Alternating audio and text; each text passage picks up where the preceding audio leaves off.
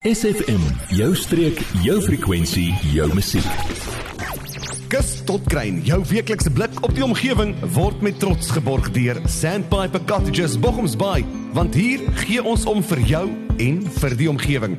Goeiemôre, Fred Orban hier, julle weeklikse program Kus tot kruin hier op uh, SFM Radio 90.1 en 104.1. Vanoggend het ons 'n bietjie van 'n sonnige oggend nou. Maar toe ek nou van Bogensbaai Vleesbaai se wêreld gekom het en Dr. Boel Smits wat saam met my is wat van Riversdal af gekom het, het baie mis op die pad gekry. Ons gaan vandag 'n bietjie gesels met Dr. Boel Smits en ons gaan praat oor Leipads en oor die Lipid Foundation en wat is die wat is die agtergrond van ons Leipad populasie en wat is die toekoms daarvan en hoe kan dit aangespreek word? Goeiemôre Dr. Smith, kan ek kan ek maar sê boel? Ja, asseblief. Dankie ja, vriend. Ja. Baie dankie vir die geleentheid. Terloops, Dr. Smith dink ek was 'n mediese dokter, is dit korrek? Dis korrek. Dit is hoe ek begin het. Ja, dis hoe jy begin het. Jy sien jy wel die diere ryk is baie meer hulp nodig as wat die mense het as ek dit so luister. Dis amper soos van Vieren van uh, Nankusi in Namibië wat ook 'n mediese dokter is en hulle kyk na die luiperde in Namibië op dieselfde doel wat jy het. Baie baie welkom. Kan ons 'n bietjie vertel van van jou agtergrond en hoekom ons eintlik vanoggend hier so is? Yes, Fred, it was actually a seamless transition for me. I um you know, I I realized I was treating the wrong patient. so in a sense uh, I returned to my lifelong passion in the in the environmental sector and really stumbled upon the problem that leopards and many other species face yeah. when I worked uh, in expanding the the Baviaans conservation area. And um, at that time, the provincial authorities were struggling in the region, and mm. and there was very little capacity to respond to uh, leopards in peril, and um, and really stumbled upon the problem that has obviously been around for a very long time. And, and we took a deep dive into trying to solve it. And I've been busy for 20 years, and sometimes I wonder if I've made any progress. But, but in 20 years, we, we really understand the problem a lot better today. The, the, the, problem, the problem you're talking about is the problem of leopards and predation on livestock. Correct. It's it's human wildlife conflict issues and yeah. and trying to encourage coexistence um, from a, a, conservation perspective um, on production landscapes. That really is the problem. Okay, we're going to discuss it in detail this morning and in, in our next few insets or so. Uh, but first, we're going to have a little bit of a music, and uh, then we're going to go back to Bool Smuts's on the leopards and how and why and when is things going to happen.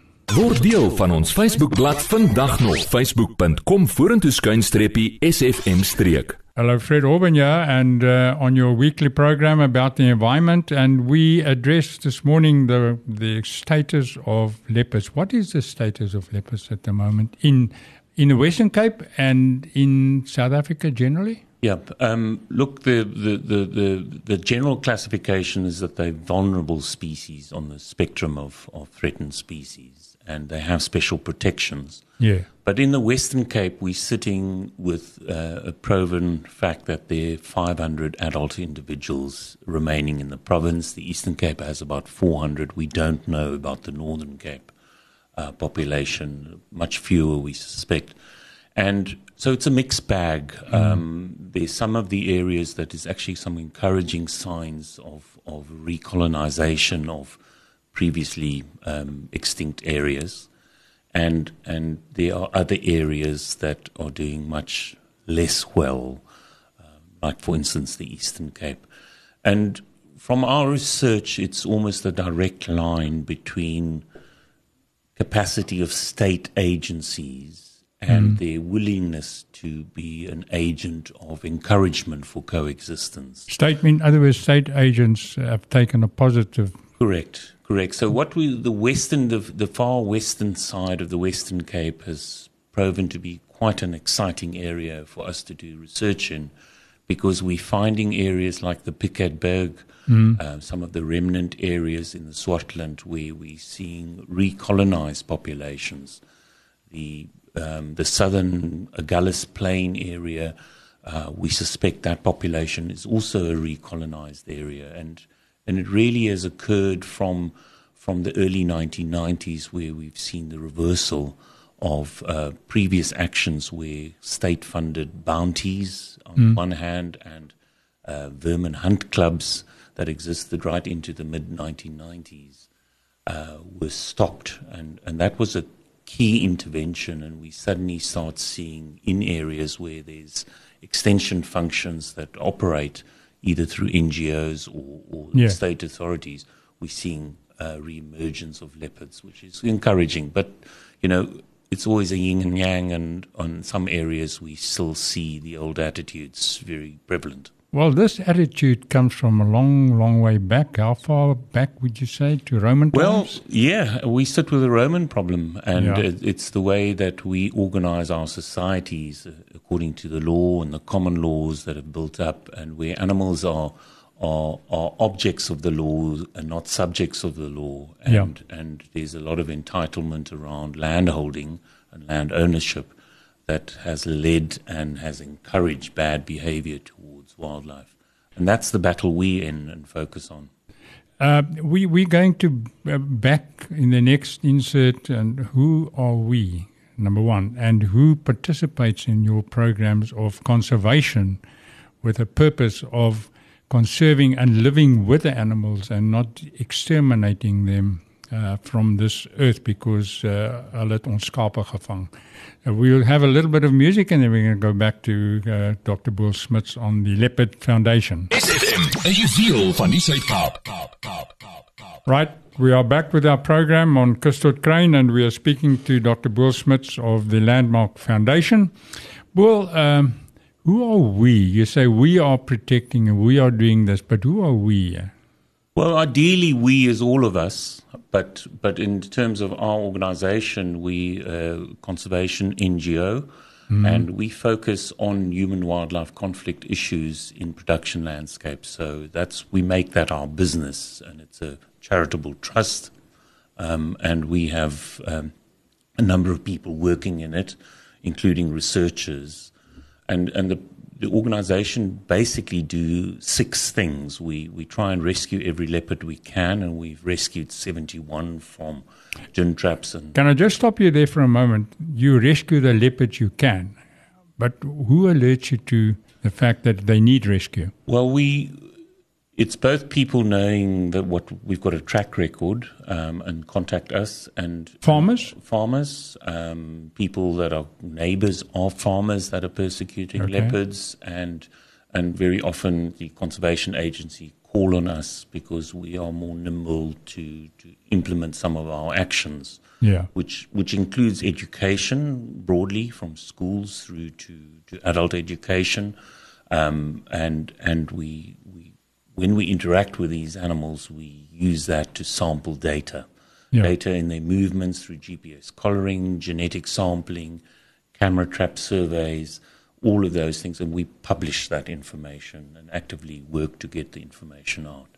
Um, we also we also try and increase habitat for the animals, so trying to get people to live in coexistence with them and then we do um, we try and influence market mechanisms, mm. ethical brands, um, try and get people to be more ethical in the food production, and then lastly, we quite a hectic advocacy organization. We litigate, and okay. we try and give inputs to legislation, and uh, so we use all of those modalities to try and promote coexistence with the species and others that are affected by these practices. You know, I mean, people like you and Landmark Foundation is is an example of what one should do with nature, and that is a leopard is part of the natural existence of nature and our natural existence. But we have, for many years, and I think 100 years or more, 200 years ago, we have been shooting leopards and killing leopards because they kill our sheep or they kill or they are dangerous. En wat oupa ons vertel het om te doen, nou doen ons dit ook maar. But uh, I see and I, and I read and in what you're saying also I realize that a lot of people are actually uh, coming to the understanding that a leopard can be lived with on your farm and not uh, killed necessarily so. Uh, well, in the next insert, maybe you can tell us a little bit how that could be done. You know, if, if somebody phones you and said, "Listen, I've got a leopard that just killed my sheep," what do you do then? Let's let's just listen to that and let's encourage people to take part in this program of yours. Jy, ja jy. Nou dat ons jou aandag het, vertel jou vriende van SFM en ondersteun plaaslik. SFM maak elke dag 'n goed gevoel dag. SFM. Right, we are on this very important, very fascinating subject of leopard predation. I mean, leopard predation, leopard killing leopards or conserving leopards, and why should you do that? Well, maybe our talk this morning is definitely not long enough, but it gives us an opportunity f- to make people think, you know, must leopards be killed? If if so, why? And then, of course, is it necessary to do that? And what can we do? Can we wrap all this up maybe and just uh, let's get a message out there to listeners and their friends and the farmers and people that were always in favor of just destroying uh, things such Yeah, as look, it's it, it is no one fights over dinosaurs because they don't exist anymore. But precisely. but as we have fewer and fewer of these magnificent trophic species like leopard and and many other carnivores have gone through it, we we realize we have to take the battle to the threats, and and everybody has a role to play in that. Whether Yeah. you be a kid that is made aware that the lamb chop comes from production practices that threaten these animals, or whether you are a student at a university and could add either in economics or in law or in biological sciences to the understanding of the problem, to the housewife that shops for food and food providence, um, or just a casual observer supporting organization like ours or many others that, that try and fight for the corner for, for these species. So there is a role for everybody, but the biggest role is really a recognition that things changed in South Africa in 1996 with our hmm. constitution and Bill of Rights. And what that did is it said that biodiversity belongs to us all. It's no longer like the Romans said that it is res nullius and only belongs to those with property. In other words, yeah, I had a farm, and whatever's on the farm is mine. I can do with that what I'd like. But that is changing now. Idas for Bay. Um, Yeah. You know, what you own is really a title deed, Yeah, and those common assets are common assets. Yeah. And, and the state is tasked with managing that, and they do that imperfectly. But it's us, the warriors on the ground, that stand Yeah. up for those, you know, be it a pangolin or a rhino or leopard or a or ystervark or or ystervark. or yeah. um, and it's a recognition that those assets belong to us all, and they'll only be around if we fight for them. And um, so there is a role to play for from the funder to the agitator to the student, um, the legislator. There, there's a role for everybody in that, Yeah. and and really, if we don't recognize that and we don't um, put our poker in the fire. Um, we will lose those animals. And, um, And, well, if we lose them, as somebody said to me once, wat maak het saak as daar nie meer walvisse is nie? It, Well, make, it makes a big It's simple. We can't live without fresh air. We can't live without water. We can't live without the minerals from the soil. And what holds all of that together is Yeah. this nebulous concept of biodiversity. And, Yeah. and each creature plays its role. Um, the whales and the plankton and the carbon capture that that enables is equally important on the sea as it is on the land. And I think we're realizing that as we slowly chip away. It's a death by a thousand bullets or a thousand cuts Right. that we lose that the glue in the system. Yeah. Biodiversity is the glue in the system. Yeah. Uh, and leopards, as a top species, top trophic species, play a critical role in hanging that together. Uh, Absolutely. yeah. As, as we as humans, we are just an element of nature, and so are leopards. Yeah. And we always give ourselves the right to destroy. We have the power, but we don't have the right to do that because we're just an element of nature and we go through the same process from seed to death. We all go through the same processes. So we each have a right, and let's recognize that right. Dr. Smuts, thank you very much for your inputs today, and we are definitely going to speak to you again more often on specific projects that you have also tackled and what you are tackling and how people get, get involved and who they can contact.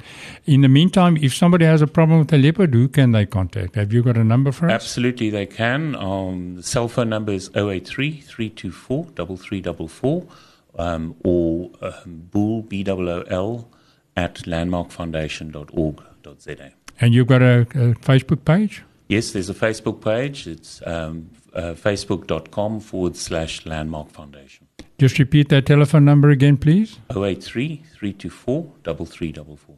Thank you very much, Dr. Smuts, and thank you so much for visiting the studio here with this beautiful view. And the sun is at last shining this this week, so a couple of guys can get the solar panels charged now, and they don't have to rely too much on Eskom, who's also uh, uh, in the leaves us in the dark sometimes. But thank you very much for visiting us, and we'll speak to you again all the way from Riversdale. Thank you, Fred, and SOFM and yourself for doing really important work for conservation. Thanks a lot. Hierdie program was vir jou gebring deur Sandpiper Cottages in Bochums Bay, weggesteek in 'n ongerepte baai en Bavaria, off the beaten track, slegs 30 km vanaf Mosselbaai. Kontak Sandpiper Cottages via hulle webwerf sandpiper.co.za of per WhatsApp 081 071 6735. Adverteer jou besigheid vandag nog op SFM. Vir meer inligting skakel SFM gerus by 044 801 7811.